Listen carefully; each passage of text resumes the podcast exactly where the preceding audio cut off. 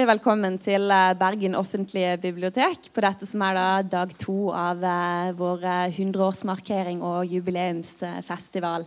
Fint å ha dere med oss. Mitt navn er Ida Svensson, og jeg jobber her i programavdelingen på huset. Eh, og I dag så har vi med oss eh, en eh, super gjest til dere. Det er eh, Helga Flatland. Gi henne en applaus.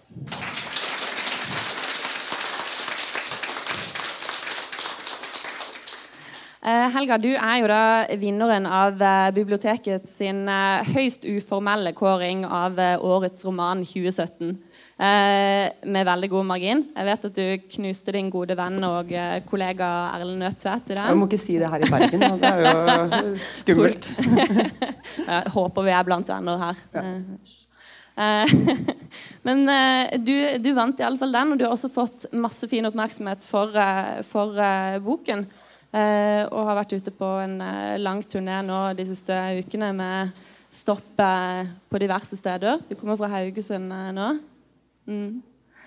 Um, vi eh, må jo eh, begynne litt med å snakke om hva du har gjort eh, tidligere, for å legge en slags fundament her. Du debuterte i 2010 med 'Bli hvis du kan'-triologien. Og så 'Vingebelastning' i eh, 2015. Eh, og nå er vi i 2017 med en eh, moderne familie. For de som ikke har lest boken ennå, kan du fortelle i eh, egne ord litt om handlingsforløpet og hva vi, hva vi møter i den? Slik ser den ut. Ja. Først må jeg si at det er kjempehyggelig å være i Bergen. Jeg, jo, jeg, jeg bodde her i to år. Fra 2004 til 2006. Så det er sånn, alltid litt sånn følelsen av å komme litt hjem og komme hit. Så det er deilig. Eh, men ja, en moderne familie, den eh, Og så må jeg bare si at det er så hyggelig at dere er så mange. Fordi at jeg, jeg trodde sånn fredag forrige gang så tenkte jeg ja ja, men det er liksom, uansett så har jeg lyst til å komme til Bergen. Men det er sånn ja, tre-fire stykker, og så har dere så mange. Så det er jo helt strålende. Eh, en moderne familie, den tar utgangspunkt i Toril og Sverre, som er eh, 70 år, og som har vært gift i eh, 40 år. Og deres beslutning om å skille seg. Og for dem så er ikke den skilsmissen tilsynelatende i hvert fall ikke spesielt dramatisk, men det er den for deres tre barn. Og barna i dette tilfellet, det er eh, Liv på 42, og så er det Ellen på 38, og så er det Håkon på 30.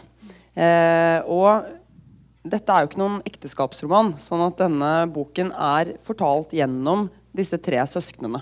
Eh, og hvordan denne skilsmissen påvirker deres liv. For det er jo sånn at selv om eh, de er voksne og har sine egne liv og til dels egne familier, så er det sånn at denne skilsmissen den går ganske eh, utover måten de lever på, innstillingen deres, verdiene deres, fordi at de har denne familien som et slags sånn omdreiningspunkt. Eh, og en, har hatt det i hvert fall som en veldig sånn trygghet i eller et fundament da, i livet sitt.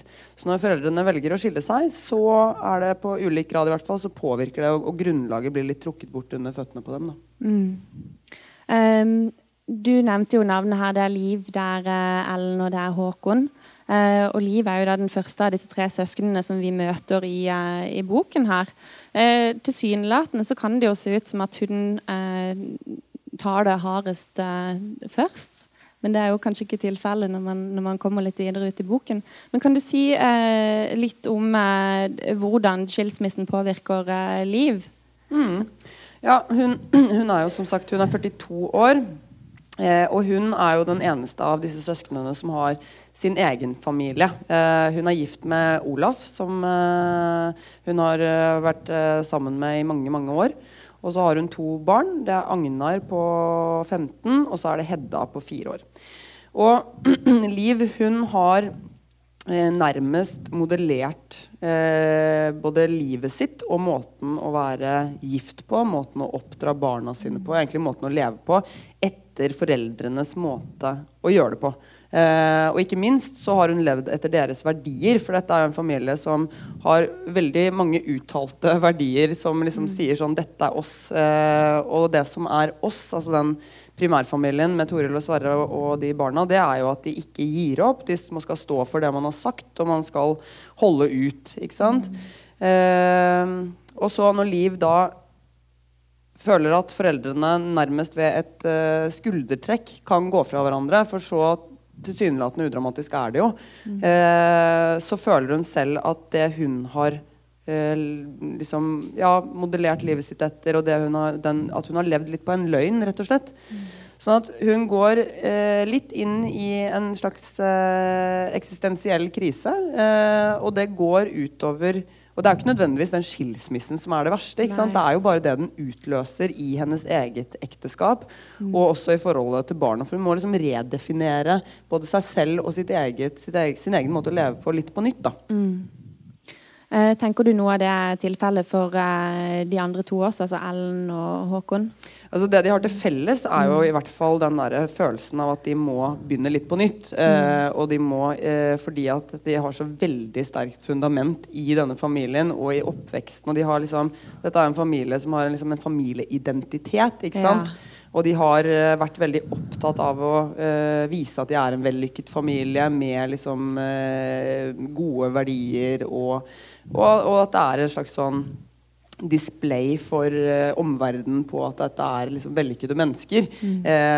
og så er det klart at, sånn at både Håkon og Ellen må jo også eh, reetablere seg litt i seg selv. Mm. Eh, men de har igjen andre altså Den skilsmissen treffer på andre steder for dem enn de gjør for Liv. Da. Mm. Eh, på hvilken måte for eh, Ellen sin del? Eh, Ellen hun er, hun er 38 og år, og hun ja, hun er jo et symbol også. fordi det, det, som jeg ikke sa innledningsvis, det er jo noe om hvorfor Grunnen til at jeg har skrevet om disse mm. to du, Toril og Sverre som skiller seg i en alder av 70. Og det er jo fordi at jeg har, eh, også i tidligere bøker, bl.a. i Vingebelastning, mm. og eh, nå vært interessert og nysgjerrig på den såkalte generasjonsforskyvningen.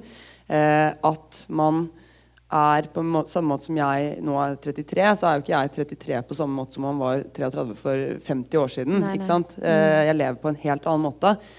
Og det gjør jo eh, da Nå kommer det en ny generasjon eldre som eh, Hvis jeg ser på min mor, som nærmer seg 70 hun er 67, så hun ville kanskje blitt fornærmet over at jeg sa det. Men hun er i hvert fall hun, hun, eh, hun, Jo, hun nærmer seg 70. Det gjør hun. Mm. Og min eh, bestemor, som da hun var 70, mm. så er jo det et, eh, et, en veldig stor forskjell. Eh, fordi at 70-åringene nå, de er forventet altså Det er jo rent fakta. ikke sant? De er forventet å leve lenger. Mm.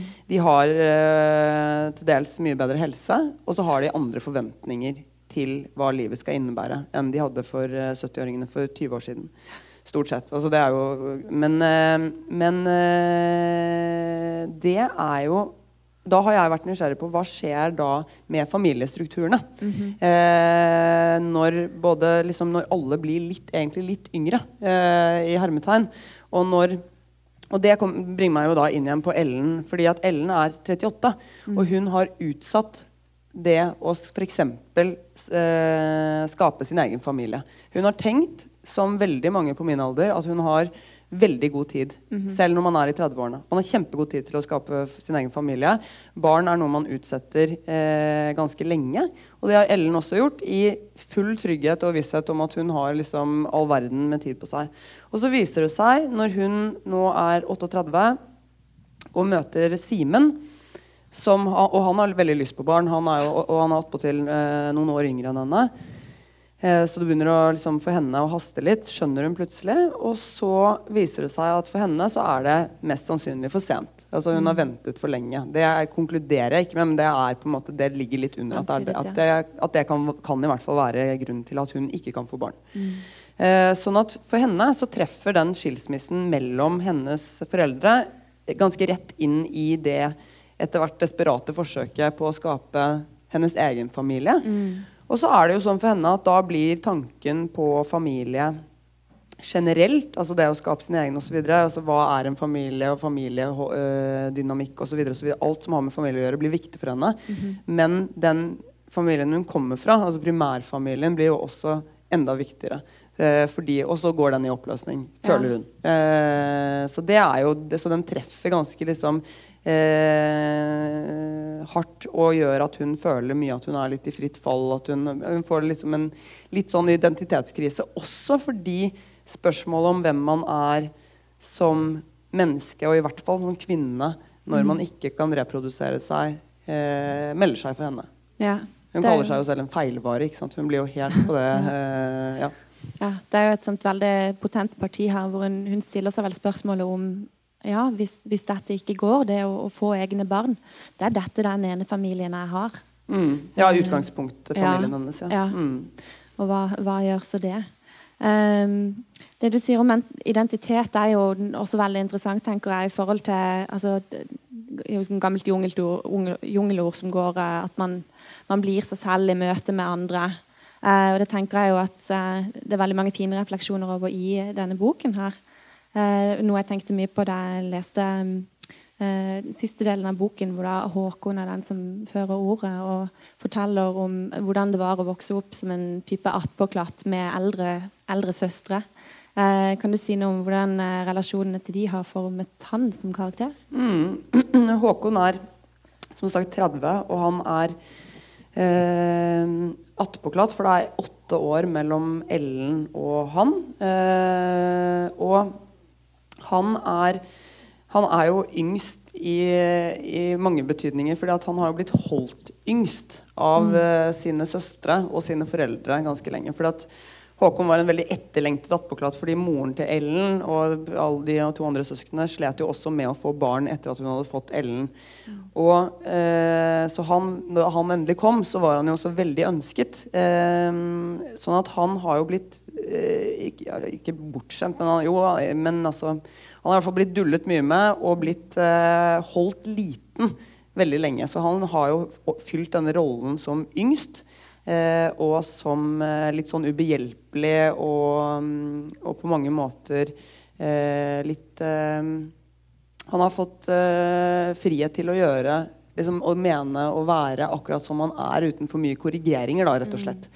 Mm. sånn at han har jo blitt Fordi at han og så bodde han for hjemme til han var 23, fordi at foreldrene også, siden han var sistemann ut av eh, redet, så ville de jo gjerne liksom holde på ham eh, så lenge som mulig. Og det syns Håkon var helt fint, for han studerte litt på Blindern og tok noen fag. og eh, syntes egentlig det var veldig deilig å bo hjemme. Så han har jo levd et veldig trygt og beskyttet liv. Og i den tryggheten så har det jo oppstått også for Håkon et eh, veldig sterkt eh, ønske om å være fri. Mm -hmm. eh, og ikke fri fra familien sin eller fra foreldrene sine, eller noen ting sånn, men bare han har vært opptatt av det frie mennesket. Han har studert litt filosofi lest mye Sartre og mm. de Beauvoir. Så han eh, og holder liksom deres forhold opp som eh, et ideal. Da. Det at man skal leve sammen lystbetont og, og intellektuelt stimulerende, men være fri, ikke monogame. Og det har jo gjort at Håkon tror ikke på monogami. Mm. Eh, han, eh, han, vil ha muligheten Han mener at ekteskapet f.eks er en uh, Han sier vel at det er en institusjonalisering av kjærligheten. Ja. Uh, og det uh, nekter han å inngå i mm. veldig lenge. Ja. Men allikevel så påvirkes han jo åpenbart av denne her skilsmissen, selv om han har visse ideer. Ja, og det er jo det som jeg har syntes har vært interessant å skrive om Håkon, er jo mm. at han har hatt denne voldsomme liksom, overbevisningen og levd veldig eh, etter den. Eh, og så har jeg eh, liksom skrevet ham frem sånn at man skulle jo tenkt at siden han ikke tror på monogami, og følgelig så tror han jo da selvfølgelig heller ikke på ekteskapet, mm. eh, at han ville taklet den skilsmissen mye bedre enn søstrene sine. Ja. Eh, og i begynnelsen så reagerer han jo veldig sånn med en gang at ja, men dette er helt naturlig. Eh, det er ingen tvil om at nå som man liksom ikke lenger er fanget i i veldig mange av de tingene, altså religiøse oppfatninger eller at uh, man er økonomisk avhengig osv., så, videre, mm. så er dette den eneste naturlige utviklingen i en moderne verden. Uh, men så viser det seg jo at han er uh, den veldige Eller hans overbevisning og hans måte å være fri på har vært Det har vært en forutsetning å ha den tryggheten han har i bunn. Mm. sånn at når foreldrene skiller seg, og Håkon mister den tryggheten som har vært deres ekteskap, og det som på en måte i hvert fall har holdt familien sånn, eh, sammen, det, da blir Håkon også veldig preget. Og han Det viser seg jo at han liksom er jo heller ikke fritatt behov for å, for å høre til. Eh, så da, eh, da klamrer han seg litt mer til eh, Han møter eh, f.eks. Ganske kort tid etter at foreldrene skiller seg, så møter han eh, en jente som heter Anna. Og eh, så blir han veldig forelsket i henne. Eh, og det er ikke noe nytt. Han har vært forelsket mange ganger før, men han har liksom hele tiden, men han har egentlig vært mer forelsket i hva han sier da, ideen. sånn at han mm. har ikke hatt noe problem med å dele kjærestene sine osv. Men med Anna, som i seg selv altså Hun møter ham på en annen måte enn disse jentene har møtt ham. Eh, de tidligere jentene, fordi at hun er helt med på å leve i et åpent forhold. Mm. Hun synes det er helt greit. Hun har heller ikke lyst til å binde seg. Og når Håkon får liksom sin egen eh, filosofi slengt litt i fleisen på en uvant måte, så det, da syns han ikke det er så greit lenger. Og, så, og, det, og, det, er jo også fordi at han sant, da begynner å kjenne veldig på behovet for å eh, liksom forankre seg eh, på nytt. Når han mister forankringen til liksom, den institusjonen som foreldrene har vært, så, mm. så, vil han forankre seg i noe annet. Og da vil han forankre seg selvfølgelig i Anna. da. Eh, og så går jo det som det går. Ja. ja. Ikke så gøy å smake sin egen eh, medisin nødvendigvis. Um, jeg syns det er interessant det her med altså, dynamikken mellom uh, ønsket om å være fri uh, og behovet for å, å høre til. Eh, og når man leser boken her, så slår det jo en eh, hvordan da kanskje særlig Liv og Håkon eh, eh kan lese som en slags sånn type ytterpunkter, eh, mentalt i alle fall, eh, på det spekteret her. men kan det ikke kanskje også ligge en slags frihet i det å velge å forplikte seg til noe? Ja, det er jo det Liv sier i boken. Mm, ja. Hun sier jo akkurat det. Ja. Uh, så jo, selvfølgelig kan det være, men det er jo ikke det Håkon altså, Håkon mener jo ikke altså, Han mener jo at det kan selvfølgelig være det, men, mm. men, så lenge det er fordret av at det er sånn noen har bestemt for deg at du skal leve, mm. er det jo det han gjør opprør mot. Han gjør opprør mot alt som er på en måte bestemt for deg, mm. og valgene man tar fordi at man ikke selv tenker, som en ikke selv tenker over at det er valg engang. Ja. Som at mann og kvinne skal leve sammen i tosomhet. Eh, og hvorfor det? det?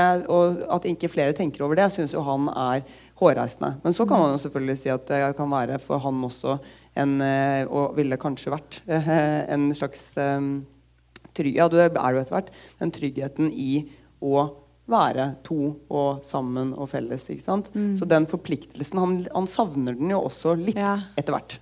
Og det viser seg jo at når han blir utfordret, så er det det han søker. Mm. Mm. Ha noe trygg grunn å, å stå på. Mm. Um, boken heter jo 'En moderne familie', og det, det er snakk om eh, monogami. Eh, om ekteskap og om Man kan jo lese det som en slags kommentar på eh, forutsetningene for disse tinga i eh, den samtida vi, vi, lever i, tenker jeg kanskje. Um, er det en type hva skal man si, sightguide-tidsånd som, som, er på kollisjonskurs med dette å forplikte seg til et annet menneske livet ut, tenker du? Eh, lever vi eh, i et slags type samfunn hvor eh, behovet for frihet og valgfrihet på en måte overstyrer eh, behovet for trygghet?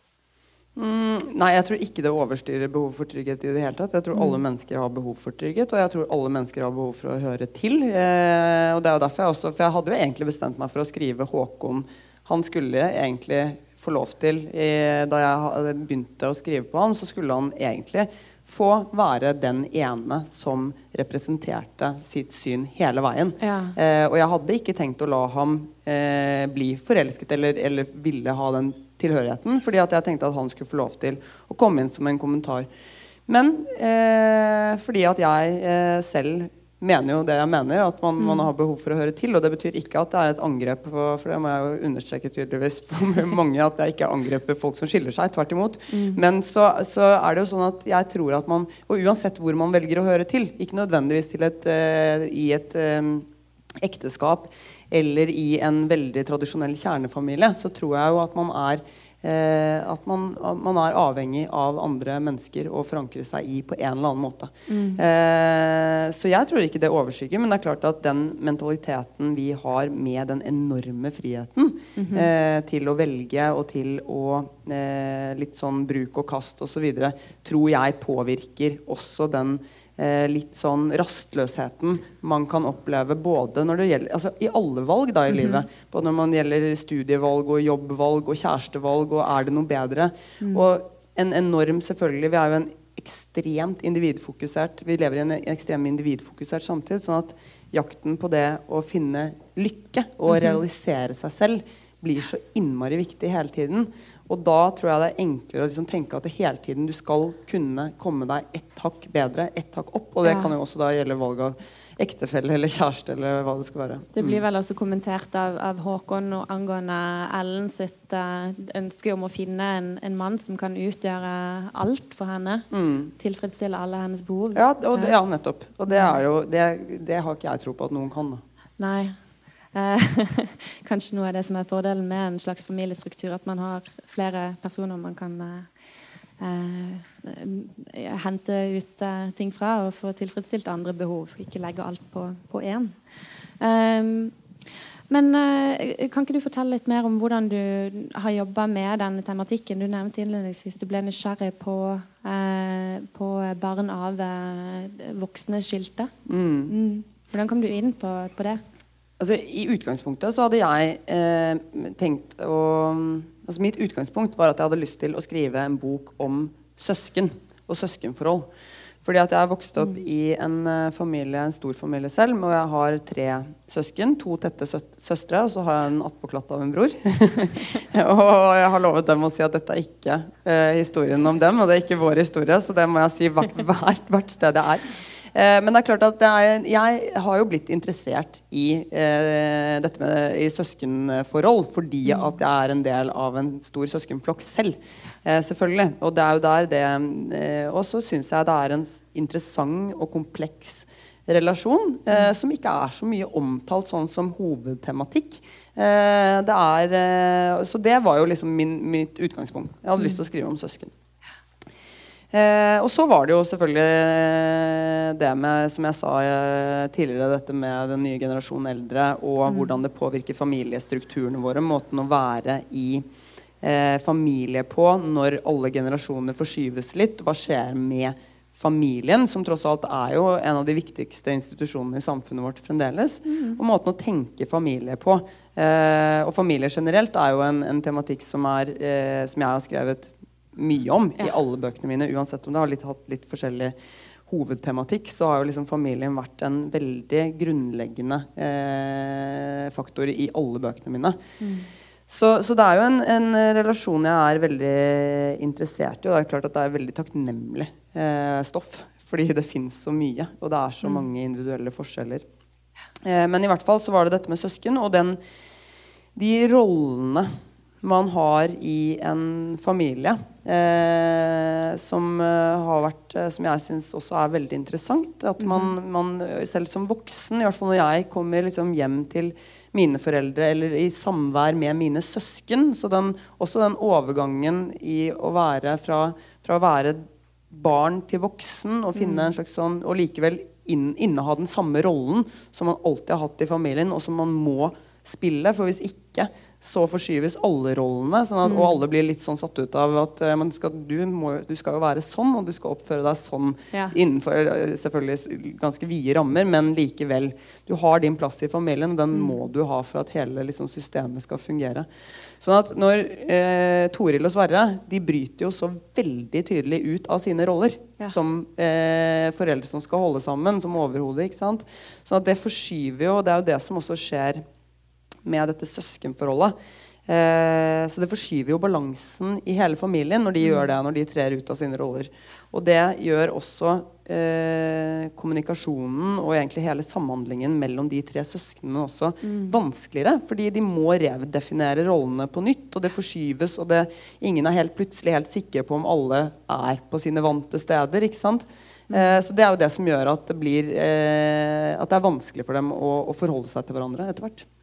Eh, noe av det som jo blir tydelig i forlengelse av, av rollene og nettopp av rolleforskyvninga, er jo at eh, eh, fortellingen om denne familien eh, ses fra ganske ulike synsvinkler ut ifra de ulike rollene her.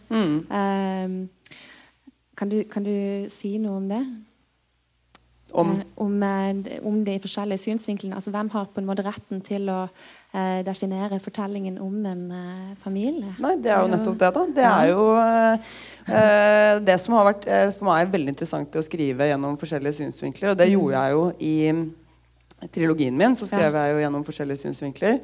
I vingebelastning så hadde jeg én synsvinkel, fordi jeg ville liksom prøve noe annet og uh, vise at jeg kunne det også. Men, men uh, jeg, jo, jeg liker jo veldig godt å skrive på denne måten og flette sammen. Nettopp fordi det ikke er noen som eier sannheten. Uh, Håkon har like rett som Ellen som mm. Liv. i sin fremstilling av hvordan denne familien er. Selv om de er forskjellige fremstillinger. Og, eh, og, det har jeg jo tatt liksom ett skritt lengre, føler jeg selv. Eller i hvert fall mitt, har mitt mål vært da, mm å utforske det enda mer. Den derre forholdet mellom, eh, mellom, de forskjellige personenes virkelighetsforståelse ja. eller virkelighetsoppfatning. Og da er det, Hvis man leser den, denne boken, så ser man jo at eh, f.eks. det er en scene i Italia hvor disse foreldrene etter hvert eh, blir presset til å annonsere at de skal skille seg. Mm. Eh, hvor den, den, fremstilles bare litt forskjellig fra alle ja. synsvinkler. Eh, og, og, det er ikke sånn at noen av dem har rett, selvfølgelig, fordi virkeligheten er jo til dels subjektiv. Mm. Eh, sånn at det Ellen oppfatter, er, er, jo fordi at hun står i sentrum i, sin egen, uh, i, i, sitt eget bilde. Ja. Mens uh, Liv oppfatter det jo annerledes, fordi at der er hun i sentrum, og hennes assosiasjoner og alt hun tar med seg. Og det er sånne scener gjennom ganske store deler av boken hvor jeg f.eks. et minne fra en hytte sommer, i sommer, sommerferien for mange mange år siden. Og de husker jo forskjellig etter hvem som sto, står i sentrum av fortellingen, og hvem som forteller. Eh, og det syns jo jeg er veldig interessant, fordi man, man, det er ingen som eier den sannheten. Og det er klart at Hvis du og jeg skulle fortalt om denne samtalen mm. om et års tid, eh, så ville vi nok hatt ganske forskjellige versjoner, og kanskje vi liksom ville hatt helt helt forskjellige oppfatninger av hvordan den gikk også, for den saks skyld. Ja, ja. ja. Mm. Det, det, er nok sant. Um, men uh, kan du fortelle litt mer om din egen skriveprosess? Ja. ja. Uh, mine skriveprosesser har arter seg uh, egentlig ganske Nå kan jeg jo begynne å si det ettersom jeg har gitt ut fem romaner. At de arter seg ganske likt. Ja. Det er ingen av mine eh, bøker som har begynt som en romanidé. Det er ikke sånn at jeg liksom setter meg ned og tenker over hva skal jeg skrive, og så kommer jeg på noe. Eh, det starter jo som min egen liksom, trang til og nysgjerrighet på og observasjoner som jeg syns er liksom, veldig spennende. Mm. Eh, og, og, det har det jo vært fra liksom, starten av med, med, denne trilogien hvor jeg skrev om tre gutter som som døde i krigen i Afghanistan, så har jo, var jo Afghanistan har jo vært et, liksom, et bakteppe i, i, store deler av min ungdomstid. Eh, sånn at det, det var et, en tematikk jeg var nysgjerrig på. Hvorfor mm. drar norsk ungdom i krig? Og, og, så ble det til en roman.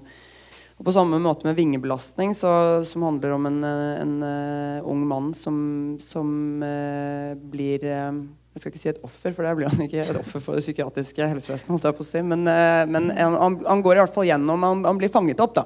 Mm. Eh, og så kan man diskutere om det er en bjørnetjeneste eller om det er hjelp. Eh, men i hvert fall så, så, er det også en sånn ting som jeg har observert og engasjert meg mye i og snakket mm. med mange om. Og det er jo sånn som dette også har denne boken også har blitt til. At jeg har vært nysgjerrig på, som, som jeg sa. Eh, generasjonsforskyvninger, ny generasjon eldre vært veldig interessert i dette med søsken. Og så har jeg snakket mye hele, liksom, om dette uten å tenke at det skal bli en roman. Mm.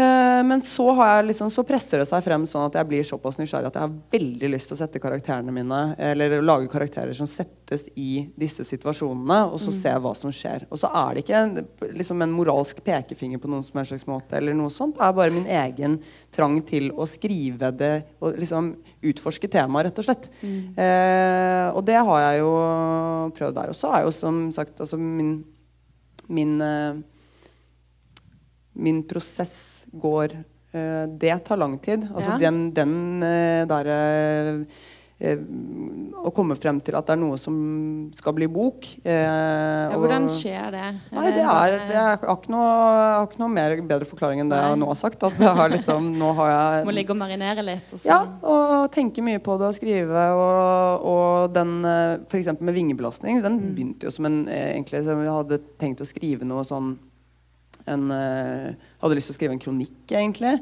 Eh, og så begynte jeg på den, og så tenkte jeg sånn Men jeg, det er jo ikke, egentlig ikke noe jeg mener så veldig sterkt om. Det er noe jeg er veldig nysgjerrig på. Ja. Eh, og så begynte liksom den skriveprosessen. Men skriveprosessen i alle bøkene mine, den tar kort tid. Altså jeg skriver jo veldig jeg skriver nesten, jeg, I begynnelsen så var jeg veldig stolt av det. Og så etter, etter hvert så jeg møtte andre forfatterkolleger som var sånn Nei, men jeg bruker sånn fire år på en bok. Jeg. Så var jeg sånn hm, ja, jeg bruker kanskje litt uh, lenger altså Jeg har liksom skrytt på meg at jeg bruker lengre tid på skriveprosessen enn jeg gjør. Eh, men sammenlagt så bruker jeg også lang tid med idé osv. Men det er sånn at jeg, jeg um, eh, bestemmer meg hvert, hver gang liksom, når jeg har liksom kommet frem til at jeg har lyst til å skrive om noe, at jeg, nå skal jeg liksom begynne, og så skal jeg liksom bruke lang tid osv. Men det går ikke. Eh, så det har jeg jo nå skjønt. At jeg bygger opp et slags sånn skrivetrykk, og så avtaler jeg med forlaget en frist. Og så har jeg jo tenkt at ja, vi skal ha bok høsten eh, 2017, eh, og da må du levere innen sånn og sånn, sier redaktøren min. Eh, og så venter jeg altfor lenge. Egentlig til jeg ikke har mulighet til å rekke det. Og jeg driver med alt mulig annet og utsetter og utsetter. og det er så skal liksom egentlig begynne å skrive, så rydder jeg leiligheten. Og det er liksom så alt men Leiligheten er veldig ryddig i begynnelsen av skriveprosesser. For å si det sånn, for at, uh, da utsetter jeg det å skrive. For det er jo, det kan jo liksom, det er tidvis veldig tungt å komme i gang med. Selv om jeg har veldig lyst, så er det liksom finne den rette innfallsvinkelen er forferdelig vanskelig av og til. Eh, men så skriver jeg jo, og så når det liksom har bygget seg opp et sånt trykk, for da har jeg jo så innmari lyst også. ikke sant? Jeg har liksom så mye som skal ut. Så da skriver jeg sånn på fire måneder, og så, og så har den liksom Da leverer jeg. Ja. Eh, Skippertak. Ja, det er veldig skippertak, men da skriver jeg jo til gjengjeld absolutt hele tiden. Ja, det Ja. mm. Og så er det selvfølgelig sånn at eh, i, i, i etterarbeid med forlag og sånn, så er det jo noen endringer, og det er litt sånn småflikking, men det er jeg også veldig dårlig på. Så veldig mange altså de fleste, altså, Jeg tror alle bøkene mine er veldig like sånn som utgangspunktet var. Fordi at Ja. jeg er så avhengig av å være i en sånn skriveflyt når jeg skriver, at hvis jeg skal gå inn og redigere, og redaktøren min sier ehm, kan du skrive om dette avsnittet? Så var jeg helt sånn, nei, jeg kan ikke skrive om dette avsnittet. For jeg kommer liksom ikke inn i den der veldige følelsen av Nei. og dyp konsentrasjon og flyt som gjør at sånn at da blir det så stakkato og dårlig, syns jeg selv. Da. Så det er noe jeg øver meg veldig på, sånn skriveteknisk, eh, som jeg ikke er noe flink til i det hele tatt. Men det er jo interessant sånn i forhold til denne boken her, som jo er konstituert av forskjellige deler med eh, ulike for fortellerstemmer. Er den, har, du, har du skrevet den i altså, den narratologiske rekkefølgen? Eller har Ja. du ja, Jeg skriver forbindelse til slutt. ja, vekslet mellom personer og ja. Ja. Uh, men uh, Nei, jo vel én liten Ja, kanskje. Nei, Ja. jo, for jeg, jo, jeg, i midt i så lurte jeg på om jeg skulle flette For det at når formen er sånn at Ellen og Liv, disse to søstrene, de, deres kapitler flettes litt i hverandre, og så står Håkon til slutt. Og det, var jo, det skal jo speile søskenforholdet, ikke sant? Fordi at Håkon er utenfra. Han betrakter, han er litt sånn alltid litt på siden. Mens disse to søstrene er så veldig nære. Og det er jo, men så lurte jeg på midt inni der om jeg skulle ha flettet Håkon inn. Men eh, så gjorde jeg ikke det, så da ble det jo til at jeg skrev, skrev det sånn eh, kronologisk likevel. Men det var en liten øyeblikk jeg lurte på om jeg ikke skulle gjøre det. Ja. Eh, vi eh, har jo egentlig beveget oss- forbi det partiet i, i samtalen her hvor jeg tenkte du kunne lese noe som var eh, relevant for det vi snakket Ja. om. Men vi snakket jo nå om Håkon, Mm. og det var, var dette partiet som vi ble enige om at Ja. dere skulle få høre litt fra. Ja. Hvis du har lyst til å forklare litt hva vi skal høre? Det skal jeg. Um, Håkon har jeg fortalt om, og han, eh, som sagt så er han um, opptatt av uh, frihet. Og her så Og det Og etter at Ellen ikke Det viser seg at Ellen ikke kan få barn. Så eh, flytter hun, så blir det Jeg skal ikke si Nei, jeg skal ikke røpe så mye om det. Men her, har, er, er i hvert fall Ellen og Håkon i en eh, krangel hvor Ellen selvfølgelig prosederer sin sak etter at hun ikke Dette er klart at hun ikke kan få barn. Og Håkon eh, er veldig lite tilbøyelig til å er, her er, mener jeg, jeg mener han er veldig lite sympatisk akkurat her. Da, for han skjønner ikke så mye av at, søsteren, at han kanskje burde moderere seg litt når søsteren eh, sitter her. Men uh, her er de i en, eh, en diskusjon uh, hjemme hos uh, moren, som da bor på Tåsen. Det er noe ekstremt bortskjemt i å kunne tenke slik du gjør. Bare et uforholdsmessig beskyttet og trygt menneske kan unne seg å innrette seg, leve og tenke på den måten du har gjort. Det ropte Ellen til meg da det ble slutt mellom henne og Simen for et år siden, og jeg enda en gang forsøkte å formulere noe skråsikkert for å gjenvinne min egen overbevisning. Vi satt hjemme hos mamma, der Ellen hadde bodd siden bruddet noen uker tidligere. Vi hadde drukket mye, og Ellen var først aggressiv, konfronterende. Og hva med deg, sa hun. Hvorfor får ikke du deg kjæreste? Det er ikke et mål for meg, sa jeg. Mamma tror du er homofil, sa Ellen og stirret på meg. Jeg måtte le. Jeg så for meg samtalen mellom mamma og Ellen, og sikkert Liv også. Jeg har forklart dere dette før, sa jeg. Jeg vil leve så fritt som mulig og ta egne valg. Jeg vet ikke hvorfor verken mamma, Liv eller Ellen aldri ville godta dette. Jeg hadde forklart det flere ganger. Men det var som om det ikke var nok at de godtok meningene mine som en slags overforlaterforklaring, men at det måtte ligge noe annet under, noe jeg ikke fortalte. Men vil du ikke ha barn? spurte Ellen. Hun så bort og begynte å gråte. Jo, kanskje, men det er jo ikke noen motsetning, sa jeg. Hun ble enda sintere. Så du vil ikke være sammen med moren til barnet ditt? Nei, men da må du nesten definere det å være sammen med, svarte jeg. For jeg er ikke så sikker på om mor, far og barn i en fastlåst konstruksjon er den beste samfunnsmodellen heller, fortsatte jeg. Ellen så først nesten håpefull ut, og deretter ble hun avvisende, og så rasende igjen, og vi begynte en krangel hvor jeg prosederte min sak uten å lytte, begeistret av mine egne teorier og i iver over Ellens motstand. At hun for en gangs skyld ville diskutere disse tingene med meg. Jeg fikk ikke med meg hvor sint hun ble, før hun ropte dette med posisjonen jeg snakket fra. Hvor bortskjemt det var å kunne tillate seg å tenke og leve slik. Hun visste ikke hvor hun traff, selvsagt. Det gjorde jeg ikke selv. Jeg hadde bare så vidt begynt å føle på en udefinert endring og en enda større usikkerhet. Jeg var full og smelte tilbake med noe nesten utenkelig hensynsløst om Simen og det biologisk naturlige i at en mann selvsagt vil søke videre for å spre sitt avkom uansett, men spesielt når han ikke får reprodusert seg. Herregud, tenk at jeg sa det til Ellen. Det er så forferdelig at det fremdeles vrenger seg i meg når jeg tenker på det. Jeg får lyst til å slå hodet mitt i veggen. Den eneste forklaringen er, til, er, den nærmest kliniske tilnærmingen til mamma og pappas skilsmisse. Hvordan jeg veldig raskt bestemte meg for at den bare var et uttrykk for det jeg hele tiden hadde ment. At ekteskapet er ikke naturlig. At det å leve sammen med et annet menneske og forholde seg seksuelt og emosjonelt til ett og samme menneske i over 30 år, det er heller naturstridig. Og jeg forholdt meg til skilsmissen utelukkende som en bekreftelse av dette. I vår tid, når de fleste ikke lenger er fanget i religiøse oppfatninger, og vi både er friskere og lever lenger, er den naturlige konsekvensen at flere skiller seg.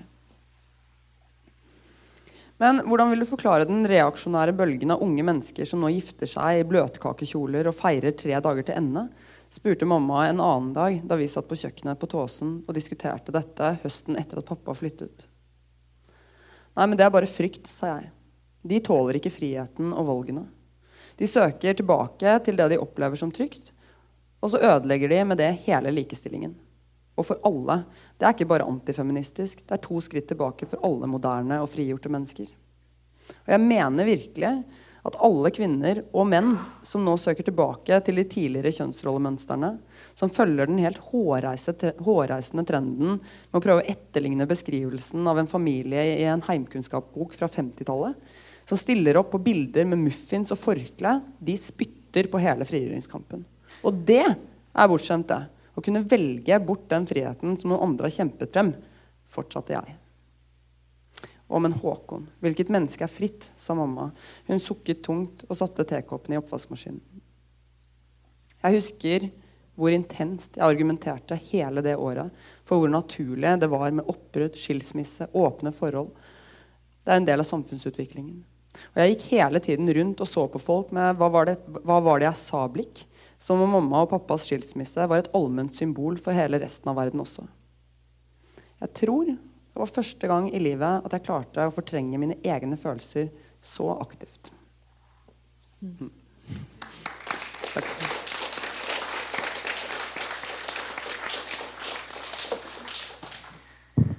Uh, ja, det er jo det er veldig mye å ta tak i her. Men uh, en, en, annen ting som, som, melder seg når man leser boken, og som, som det heller, heller, for så vidt ikke legges opp til noe tydelig svar på, som jo må være en del av meningen her, det er jo hvorfor velger disse to å gå fra hverandre uh, etter så lang tid. Mm. Mm. Spør du? Ja. Beveger oss inn mot et mm. spørsmål, kanskje. Sirkler mm. oss inn.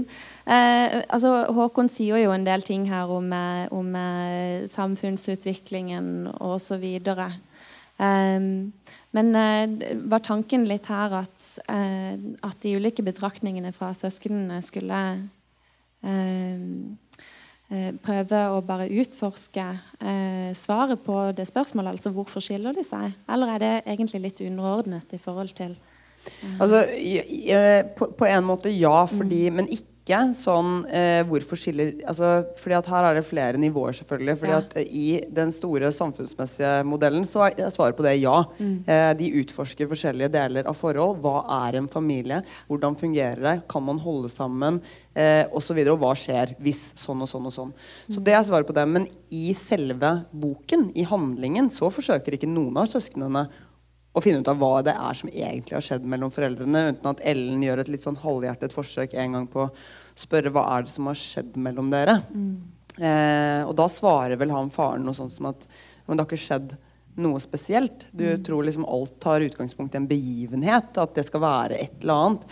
Eh, men så er jo eh, det som er det fantastiske med romanen også, man kan skape eh, For det første kan man skape upålitelige fortellere. Mm. Sånn at eh, det mor og far her sier, det vet ikke vi om er sant. Vi vet ikke hva som har skjedd. Og det er poenget. Man mm. får ikke vite hva som er den egentlige grunnen til denne skilsmissen.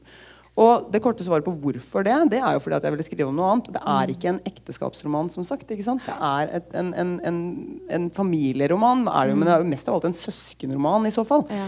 Eh, og, og, det at faren Og det er jo liksom litt det der jeg har jo lagt inn ikke sant, når og det er det skuffende få som har reagert på, da, men at jeg har uh, i, i, den dialogen hvor de faktisk sier at de skal skilles, mm. så sier jo han faren altså Han bruker jo bare alle klisjeene i boka. Han sier sånn Nei, men vi har vokst fra hverandre. Eh, så de er 70 år, da. Og, vi har vokst fra hverandre, og det er ikke mer å hente i dette mm. ekteskapet. Eh, og liksom, vi har eh, nå bestemt oss for at vi skal liksom gjøre hver, altså andre ting. Han bruker mm. bare sånne klisj, liksom oppbrukte klisjeer. Ja. Og, og, hvorfor bruker han det språket til sine voksne barn? Mm. Det er mitt spørsmål. Så kan de som leser boka, tenke litt på det. Hva det sier. Ja. Mm.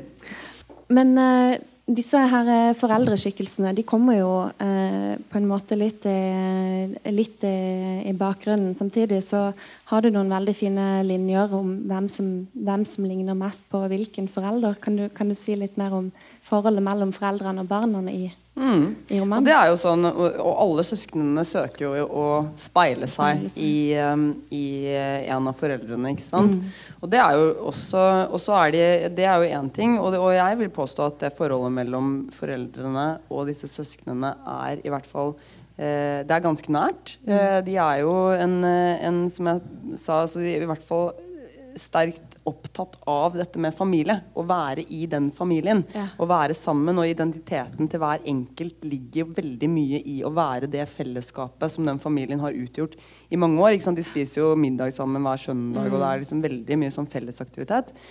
Eh, og det er jo, Men samtidig som det er et nært forhold, så er det jo også den der litt sånn eh, som alltid kanskje melder seg av, problematikk mellom foreldre og barn i brytningen mellom å være barn av sine foreldre og det å være voksen. ikke sant? Og den overgangen den er, har jeg kan, tenkt da, eh, at kanskje er litt lengre enn før. Altså Man drar ut fordi at man er så ja, Også som meg selv, liksom, man er ung så utrolig mye lengre. Ja. Eh, og man venter lenge med egne familier. At det kanskje kan bli litt sånn vakuum, den derre overgangen hvor man, hvor man, og som er lengre enn før. Hvor man eh, fremdeles er liksom barna sine foreldre, men man er voksen, men man har ikke egen familie osv. Så, videre. så det kompliserer jo litt dette forholdet mellom liksom, I hvert fall med Håkon, som liksom veksler mellom å liksom ville egentlig bryte ut, men egentlig aller helst så vil han jo bare bo hjemme hos mamma og pappa. Ja. Eh, og det er klart at den er, den er vanskelig. Så er jo liksom, når først en, liksom en av de kjærestene hans konfronterer at han bare tenker nei, åh, gud, nei, men jeg må jo flytte ut, for nå er jeg 23. Mm. Det er flaut å fremdeles bo hjemme. Men hadde det vært opp til han, så ville han jo fremdeles ha bodd der. Mens eh, Liv på sin side, f.eks., hun Og det er jo kanskje fordi at det er mor-datter, og det er jo en interessant relasjon i seg selv, Mm. men den der, Hun føler jo at moren er eh, annet veldig kontrollerende. Og hun har en veldig sterk oppfatning av at hun skal ikke gjøre de samme feilene som Og det har jo de aller fleste mennesker. Ja. Ikke sant? Det er sånn, Jeg skal søren meg ikke bli sånn. Og er det noe jeg ikke skal liksom eh, utsette mine barn for, så er det det og det og det. Ikke sant? Eh, og så viser jo det seg å være veldig vanskelig, og i hvert fall for Liv. Eh, og hennes teori, da, som eh, hun har fått av sin forfatter, det er jo at, eh, at eh, det er liksom kanskje enklere å ikke gjøre de aller største feilene. Sant? Hvis det er noen voldsomme, store feil som har blitt begått, så kan man enklere styre unna. Men hvis det er de der små tingene som man nesten ikke merker at man gjør engang, så er det kanskje litt vanskeligere å la være. Men, men Liv har jo f.eks. en sånn veldig øh, øh, bestemt tanke om at hun skal ikke være så kontrollerende. Og så, hva er hun? Hun er ekstremt kontrollerende.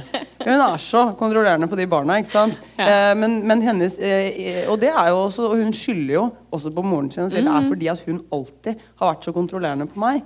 Eh, og det er sant. ikke sant? Så, så, men det er jo liksom et sånt eh, Men det spennet der, det syns jeg ser igjen og hører igjen. Og jeg har jo ikke barn selv, men det liksom det er, det er veldig interessant å høre folk snakke om de tingene. I hvert fall folk man kjenner godt, og som man ser i generasjoner. At ja, men ja, det er mye som går i arv. Og så kan man jo si arv eller miljø, men eh, ja. Ja, jo. Mm. Eh, det syns jeg også var interessant i forhold til Håkon, som jo da er, eh, blir beskrevet som en veldig sånn eh, sensitiv, eh, emosjonelt intelligent eh, gutt. Mm. Og som har da Han har dette naturlige anlegget, sant? Og så i tillegg til det så, så har han en rolle i familien som på en måte bare forsterker hele dette anlegget. Så det blir ikke eh, det, det bare spilles opp og bevares i den familiestrukturen som ligger der. At Håkon er så sensitiv? Ja. Ja, fordi at det er jo også en felle, det er jo den rollen han altså Det er han jo. Men så forsterkes det selvfølgelig at søsknene og foreldrene, og moren spesielt, er jo sånn og hun er jo veldig sånn eh, Ja, du er så sensitiv. Eh, og så er jo det nesten som en kompliment til henne selv at hun har skapt en så sensitiv liten ung mann. Eh, og det er klart at det er jo eh, Men den, den rollen den får han ikke bryte ut av. ikke sant? Eh, og det er klart at det forsterkes jo. Men så har jeg tenkt at det, den derre voldsomme sånn eh, idealistiske siden av ham nesten er et opprør mot den der veldig sensitiviteten. At han er så veldig konsekvent, i hvert fall i starten, da, eh, i måten å leve på, eh, måten å tenke på osv. At det nesten blir det sånn eh, At han nesten gjør opprør da, mot den der veldig sensitive siden i seg. Ja. Mm. Funnet en klinisk måte Ja. eller form å dytte den inn på. Ja. Ja. Og en kompensasjon, kanskje. Ja. ja. Mange måter å, å lese det på. Mm. Men Ellen sin rolle i, i relasjon til søsknene, hvordan vil du karakterisere den? Um, Ellen, altså hun hun er vel den som egentlig i selve boken reflekterer mest over søskenes rolle. For hun sier sånn Liv er eldst. Og eldstemann, eh, eller eldstekvinne, da, hun får jo eh, naturlig nok liksom veldig mye oppmerksomhet fra foreldrene fordi at man er førstefødt, ja. og man er den som egentlig i praksis representerer overgangen fra en, et forhold til en familie når det er for første barnet. Eh, så hun og får liksom all den der eh, Se, hun kan gå, hun kan snakke og sånn. Ja. Og så er det Håkon som er yngst.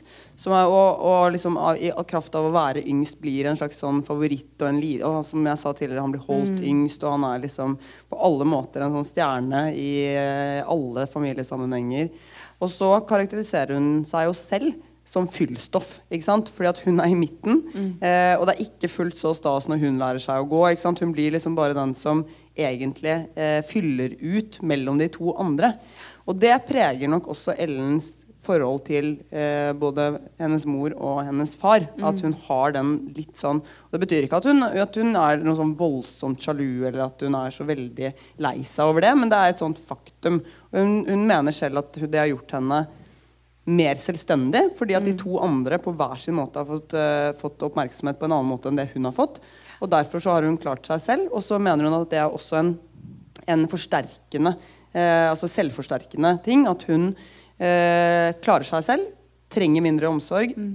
Får mindre oppmerksomhet, klarer seg enda bedre selv. Altså, og så blir det på en måte en, en sånn forsterkende ting. Men, det er, mm. men dette er jo ikke snakk om en familie hvor det er sånn det er ikke noe omsorgssvikt. Eller, altså, det er jo ikke den type, men det er jo bare mer den der egenforståelsen da, av mm -hmm. rollen sin i familien og hvem man er. Og at de andre selvfølgelig ikke ser på Ellen på den måten. Er det noen som har liksom fått oppmerksomhet, så er det henne, og hun var sånn. Og, og det er jo sånn mellom søsknene også. At man tenker at de andre har liksom fått søren meg så mye, mm. og her sitter jeg, og så tenker den andre akkurat det samme. Så det er klart at det er jo en sånn Det er jo et spill, det. Mm. Mm. Yeah. Eh, da jeg leste hennes partier, så tenkte jeg også på henne som eh, det her finnes det en term for i psykologien som jeg i farten ikke husker. Men den personen rundt middagsbordet som, som tør å eh, starte den ubehagelige samtalen. Eh, vil, du, vil, du, si deg enig i det? Eller? At Ellen er det? Ja. Ja, det vil jeg si meg enig Hun er jo mm. definitivt den som er eh, mest eh, sånn konfronterende. Det er jo mm. hennes forståelse, og det er Livs forståelse, og det er Håkons forståelse, mm. men på forskjellige måter. ja. ikke sant? Eh, og av forskjellige grunner, tror de. ikke sant? Mm. Men det er klart at hun er jo definitivt den som eh, Og hun jobber jo som eh, taleskriver, og hun, men, men, det som jeg syns er interessant, da, det er jo at eh, hun er så veldig språksterk. og så idet hun ikke kan få barn, så mister hun Og idet foreldrene skiller seg, idet krisen inntreffer. Mm. Og det gjelder jo egentlig hele familien. De liksom, jeg har jo skrevet dem frem som en veldig snakkende familie ja. eh, fra de talende klasser. Eh, og hun, eh, og de, de, det liker de i hvert fall veldig selv, og, og vi kan snakke om alt her i denne familien. Verste, verste fornærmelsen du kan gi, er å kalle noen udannet? Udannet, ja, ja. Det er liksom virkelig ikke bra. Men, eh, men, i hvert fall så er de eh, veldig opptatt av det. Mm. Men idet krisen inntreffer, og på forskjellige måter selvfølgelig, så mister jo alle egentlig språket for det. Mm de klarer altså, Se på far, som jeg sa i stad. Altså, den der måten å annonsere den skilsmissen mm. altså, Virkelig. Det, har ikke, da har du ikke gått Det er ikke det jeg har lært at det var godt språk. Nei. Men, eh, og, men, også for Ellen, sant, i den mm. barnløsheten. Hun, hun, har ikke ordene for det som skjer, det som rakner. Mm. Det har ikke liv, og det har ikke Håkon. I hvert fall ikke overfor hverandre. De kan tenke, men overfor hverandre så mister de må, evnen til å kommunisere ordentlig. Mm. Mm. Det er det som er konsekvensen av, eh, av den skilsmissen. Det har noe å gjøre med trygg, altså tryggheten og grunnlaget for den tryggheten blir revet bort. Uh, og man mister de felles referansepunktene. Mm. Og kanskje var det ikke så moderne likevel. Nei. uh, gode avsluttende ord, egentlig. Mm. Nei, men Da tror jeg rett og slett at jeg skal bare si tusen takk til deg, Helga Flatland, for at du kom hit i dag. Tusen takk. Veldig ja. hyggelig å være her. Ja.